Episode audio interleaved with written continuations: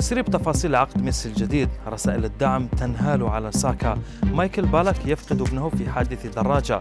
إليكم أبرز أخبار الرياضة في الساعات الأربع والعشرين الماضية في دقيقتين على العربية بودكاست.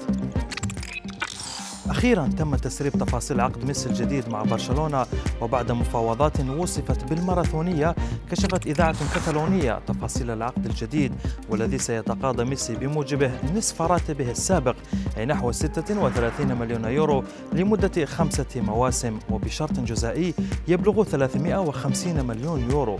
ومن المنتظر أن يلعب ميسي لموسمين مع البرصا قبل أن يكمل المواسم المتبقية في أمريكا. في انجلترا استقبلت جماهير أرسنال لاعب الفريق ساكا بجدارية ضخمة.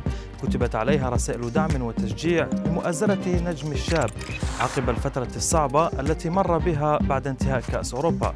ونشر ساكا صورا له على إنستغرام أثناء قراءته لتلك الرسائل التي وضعتها الجماهير في مدخل المركز التدريبي لأرسنال. مايكل بالك نجم ألمانيا السابق فقد ابنه إيميليو اليوم الخميس في حادث دراجة رباعية بالقرب من منزل عطلات العائلة في البرتغال. وكان الابن البالغ من العمر 18 عاما قد تعرض للحادث صبيحة اليوم جنوب العاصمة البرتغالية لشبونة ولم يتمكن رجال الإطفاء من إنقاذه.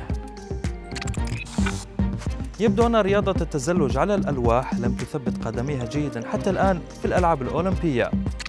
بعد حادث التصادم الغريب بين المتزلج الأسترالي كيران وولي وأحد المصورين. الحادث وقع داخل حلبة التزلج بعد إكمال وولي لعرضه الأول. ورغم الاصطدام القوي لم تسقط الكاميرا من يد المصور الذي أشار لوولي بأن الأمور بخير.